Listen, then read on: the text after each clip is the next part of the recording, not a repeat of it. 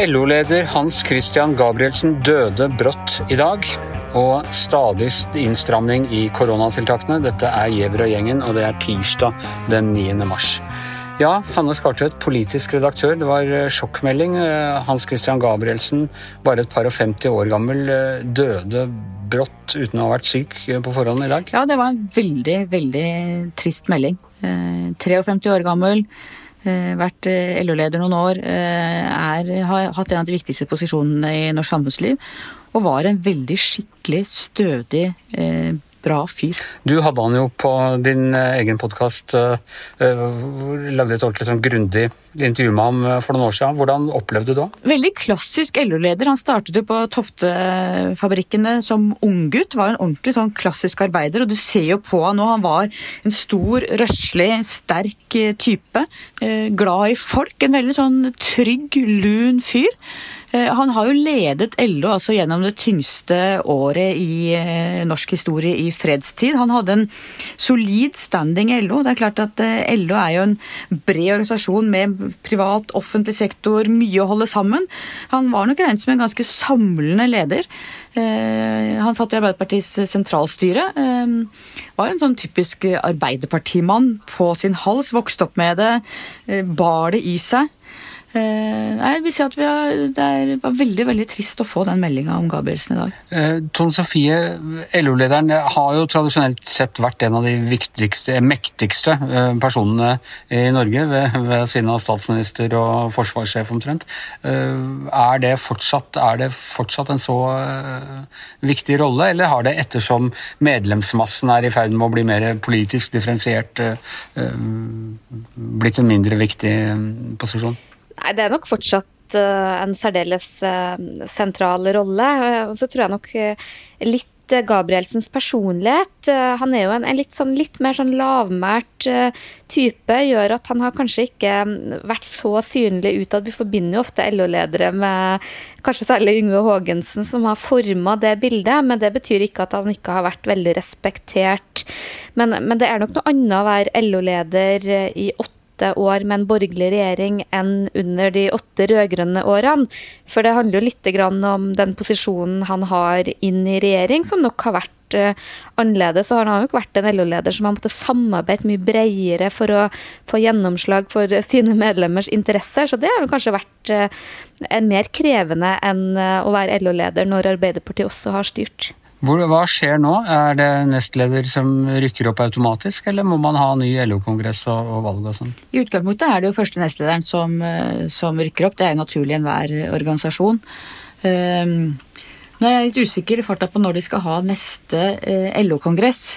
Uh, men uh, det er klart at Peggy Hesten, som er nestleder, hun hun er en, kjent for å være en veldig sterk og solid uh, dame. Jeg vil jo tro at hun vil håndtere dette godt nå i første omgang, og så får vi se hva, hun, hva, som blir neste skritt. Det er jo alltid en kabal i LO også med privat og offentlig sektor.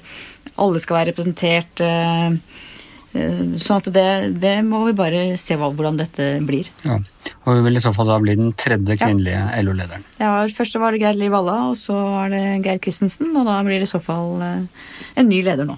Og da skal vi eh, snakke om eh, koronasituasjonen, eh, som er fortsetter å være groundhog day, eh, Astrid. Det er, eh, hver gang vi titter hodet ut, så er det tre uker til med, med nedstenging og, og, karantene. Men i, i dag skulle det jo komme store nyheter om hvordan vi skal håndtere dette.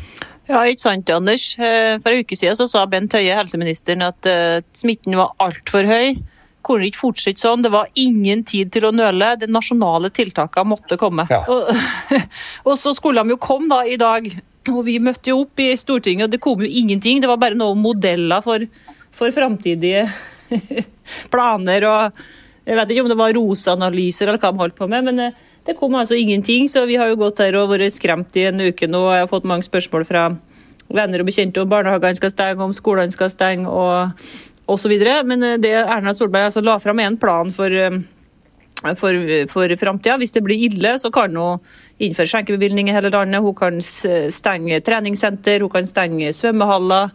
Um, ja, hun, kan, hun, har en masse tiltak i ermet, men på meg så virker det liksom bare som de prøver å sette en slags stemning. Um, få oss til å ta smittevernet på alvor. Og så kan det jo hende at de har krangla på bakrommet, rett og slett. fordi at eh, mitt inntrykk var jo helt klart at det skulle komme Eh, nasjonale tiltak i dag, og så gjorde ikke det. Ja, altså Det skjer jo tiltak i dag i Oslo, men de er da lokalt bestemt da, av, eh, av Raymond og kompani i Oslo rådhus? Ja, det er jo det Erna Solberg går for fortsatt, at vi skal ha sånne lokale og regionale tiltak. Det høres jo lurt ut. Det er mye ordførere som, eh, som sitter i Trondheim f.eks., som er imot at det blir altfor strenge nasjonale tiltak, for at de har lite smitte.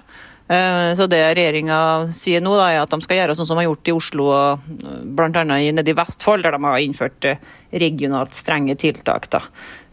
Fortsetter med det. Hva tror du er grunnen til at de, at de, bare prater og ikke gjør noe? Det er et godt spørsmål, Anders.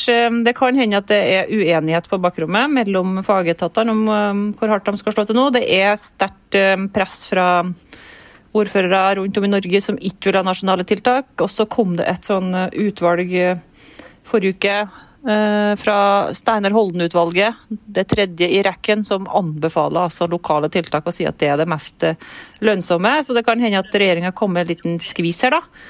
Og at det virker vanskelig å innføre nasjonale tiltak når det er eh, kommet en ekspert som sier at det er lurest med lokale tiltak. Og så er jo egentlig, høres jo fornuftig ut, det, ikke sant? men øh, regjeringa har jo tidligere hele tida argumentert for nasjonale tiltak og sagt at uh, det her kan blusse opp hvor som helst. Eh, I januar så sa jo Erna Solberg at vi må ha tiltak eh, over hele landet. Bare se på Hammerfest, der har det dukka opp. Ingen er trygge. Så eh, argumentasjonen svinger litt, da, kan du si. Ja, sånn Sofie, altså til nå så har jo er det jo ganske vært bred enighet om at eh, Erna Solberg har eh, taklet denne situasjonen suverent, og hun har fått uttelling. Går dårlig med de andre regjeringspartiene, men, men, eh, Høyre har gjort det bra, og man samler seg rundt lederen i en krisesituasjon osv. Men du stiller spørsmål nå om hun er i ferd med å miste litt det grepet? Ja, for det har jo vært nettopp koronahåndteringa som har vært Eh, hennes og, og regjeringas sterkeste kort. På det politiske så, så får de jo betraktelig mer eh, motbør. Og de har jo treffet veldig godt på tiltakene, vil jeg si. Fått betalt for det, og vi ser at tilliten til særlig Erna Solberg er veldig høy. Men jeg syns eh, de siste ukene at at det kom med en del liksom rare ting eh, fra Erna Solberg. Vi så det jo liksom først med den eh, Molde-saken, som jeg ikke tror jeg skal gå noe mer inn i. Den har vel vært diskutert opp og ned i mente mens jeg har vært borte. Men, men, men det, det, var liksom veldig uvant å se en eh, en statsminister som kalte inn til pressekonferanse, var åpenbart veldig sliten og irritert uten å ha noe budskap. Uh, og hi på den pressekonferansen, så gjorde hun det underlige grepet i helga med å kalle inn til en eh, tale til nasjonen. Eh, så vi benka oss jo søndag kveld for å liksom eh, høre en historisk tale i en krisetid, og det må jeg si er noe av det tynneste jeg har hørt i ja, det var liksom en gjentagelse av noe de sier på hver eneste pressekonferanse. Og når man faktisk varsler at man skal holde en tale til nasjonen, eh, så hadde man liksom venta seg eh, noe annet eh, enn det der. For jeg tenkte liksom nå skal de liksom prøve å reise litt sånn kjerringa. Så må jeg jo si liksom opptakten som Astrid har vært inne på til dagens redegjørelse om alle de her tiltakene som skulle komme, de har jo bygd opp veldig kraftige forventninger. Og så var liksom Nei, vi skal vente og se. Ja. Og det, hva tror du det er? Er de redd for Er det, er det politikk, eller er det fordi man er genuint, eh, som eh, Astrid antyder at det kan være en faglig uenighet som gjør det vanskelig å, å skjære gjennom? Jeg tror nok at det er en uh, blanding av mange saker. Den um, forhistorien med, med den Molde-saken og så uheldig som den kom ut, jeg tror nok det var et aldri sitte sjokk for, uh, for, kretsen rundt statsministeren at en ting kunne spinnes så fullstendig ut av deres kontroll. så tror jeg nok at det er litt annen tid. Jeg tror regjeringa på mange måter, selv om de har gjort mye riktig, har også fått veldig mye gratis. Fordi folk har vært veldig lydhøre og lyttende eh, til det de har å komme med. Det er en annen situasjon nå. Folk stiller større krav både til å begrunne det de gjør, både av nye tiltak. Men så har jo kanskje vi i pressen også vært flinkest til å stille spørsmål at, de har gjort for lite. Og, det tror jeg på en måte vil endre seg. Jeg tror det er mye mer utålmodighet, mye mer raseri og, sinne blant en del av de koronaen går um, utover. Men så tror jeg også at, at det her er en sånn, et reelt faglig dilemma. For um, det er lett å tenke at man bør trykke til å innføre nye tiltak, men i store deler av landet så ønsker man jo ikke det, og det kan kanskje også virke litt sånn mot sin hensikt. og Det er kanskje litt å se til Oslo. Det, eh, Raymond Johansen snakka jo om at uh, kanskje er det koronatrøttheten som gjør at uh, selv om vi har kjempestrenge tiltak, så, så, klarer man liksom ikke helt å oppnå det man ønsker. Ja, eh, og Astrid, heller ikke vaksinestrategien kan betegnes som en får vi vente og se, men, men noen sånn umiddelbar suksess per nå kan man ikke si at det er. Det begynner å bli ganske mye utålmodighet der også? Ja, det var jo slik at vi egentlig skulle få over en million doser med denne vaksinen som heter AstraZeneca i februar, og så fikk vi kanskje 90 000. Altså, uh, Norge var klart for massevaksinering. Vi har laga store lister og haller og alt var klart, men det, snart, skuffelsen er ganske stor. og Man blir, og ser jo til andre land sant, som har vært litt mer uh, frampå, med Storbritannia og Israel og særlig, og USA og noen små land og Emiratene og Seychellene og sånn. Uh, sånn at vi ligger jo selvfølgelig ikke verst, eh, så verst an, vi er bedre enn Tyskland og Frankrike og sånn, men eh, vi er jo et av verdens rikeste land, så, og det er ikke så mange vaksinedoser vi trenger. sånn at det her er noe som eh, regjeringa får kritikk for. Og I dag i Stortinget så var det debatt etter at Erna Solberg hadde holdt den redegjørelsen om ingenting. Og debatten var mye mer bedre enn redegjørelsen. Altså, Nå kommer opposisjonen litt mer på banen. Jonas Gahr Støre stilte gode spørsmål. Um, Marit Arnstad fra Senterpartiet stilte også gode spørsmål, og det er tre hovedinnvendinger særlig. Det er denne tregheten på vaksiner, hva de har gjort der på avtaler, og det er importsmitte. Og så er det nå seila det opp dette spørsmålet om det er nok intensivsengeplasser, for vi har jo den store nyheten i forrige uke om at det var fullt på Ahus.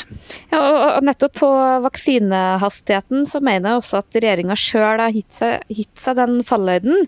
For sjøl selv om man reelt sett ikke ligger så dårlig an som man kan få inntrykk av i Europa, og på mange måter så kom jo vaksinene mye fortere på plass enn vi hadde trodd. Men i jula så rulla de jo sjøl ut noen sånne store show hvor de vaksinerte eh, eldre personer rundt omkring i landet med statsminister, ordfører og hele øvrigheta til stede. og liksom Nå starter gjenåpninga, så jeg tror liksom det ble skapt veldig sånn høye forventninger om at uh, nå er vi snart i mål, nå kommer vaksinene, så skjer det ikke. Så det er, det er liksom litt sånn, sånn kommunikasjonsutfordring òg. Så kan man si hvor viktig er kommunikasjon, og nettopp i det å håndtere en, en nasjonal pandemi, så er det usedvanlig viktig. Nå er det målinger veldig lenge som tyder på at det kan bli et regjeringsskifte. Og hvis eh, Solberg mister grepet rundt dette, da er det bortimot sikkert at eh, at det blir det, er det ikke det? Ja, Det er jo stor sannsynlighet for at det blir en eller annen form for en uh, rød-grønn regjering, men det er noen X-faktorer. Det ene er selvfølgelig en sperregrensesituasjon som er utrolig interessant. Hvem havner over, og hvem havner under. Og så er det det at Erna Solberg har veldig høy tillit i statsministermålinger. Høyre har gjort det bra. Og hvis man liksom får en litt sånn jubelsommer, og folk gir eh, Høyre mye æren for det, så har liksom det vært liksom det håpet som kan berge en eh, borgerlig valgseier. Men jeg tror i hvert fall at eh, da må de også lykkes med den siste motbakken som Erna Solberg snakker om. Og jeg, jeg syns i hvert fall de siste ukene at de har ikke det samme grepet om eh, om eh, håndteringa, i hvert fall ikke kommunikasjonen av det, som det de har hatt. Eh, nei, og Når kommer neste sånne målinger på statsministermålingen? Når får vi sett om hvordan de greiene de siste ukene kicker inn? Nei, Det er den eneste målinga som er tatt opp, i hvert fall delvis etter denne Molde-saken, er vel den som var i Klassekampen og Nasjonen på lørdag. For første gang på lenge der så var faktisk Arbeiderpartiet største parti, og Høyre var litt tilbake. Så er det vel grunn til å vente at eh, VG får måling om ikke så veldig lenge, og det blir veldig spennende å se om eh, om, om det her siste uke vil slå negativt ut for, for Høyre eller ikke. Så er det jo også den derre som vi også må ta med at sånne som oss, som er liksom kommentatorer, er veldig opptatt av det. Vi er kanskje, kanskje er vi mer opptatt av sånne ting enn det vanlige folk er. Så det er egentlig veldig spent på den målinga, for det, det, har vært noen krevende uker for, for Høyre. Sjokkerende å høre at norske kommentatorer ikke har fingeren i jorda her, eh, Tone Sofie. Men ok. jo da, det har vi jo selvfølgelig, men jeg tror nok at vi kan overvurdere små krysninger. Vanlige folk er ikke så opptatt av politikk og så opptatt av de små Så ofte så tror jeg vi overanalyserer litt for mye. Og det har hendt at vi har tatt feil. Det må vi bare være ærlige nok til å innrømme. Ok, eh, med, det, med disse selvinnrømmende ordene så er og gjengen over for denne gangen i hvert sitt eh, hjemmestudio. Anne Skartveit, Tone Sofie Aglen, Astrid Mæland, jeg heter Anders Giæver, og mannen som beholder grepet gjennom oljeprisfall og pandemier, er vår produsent Magne Antonsen.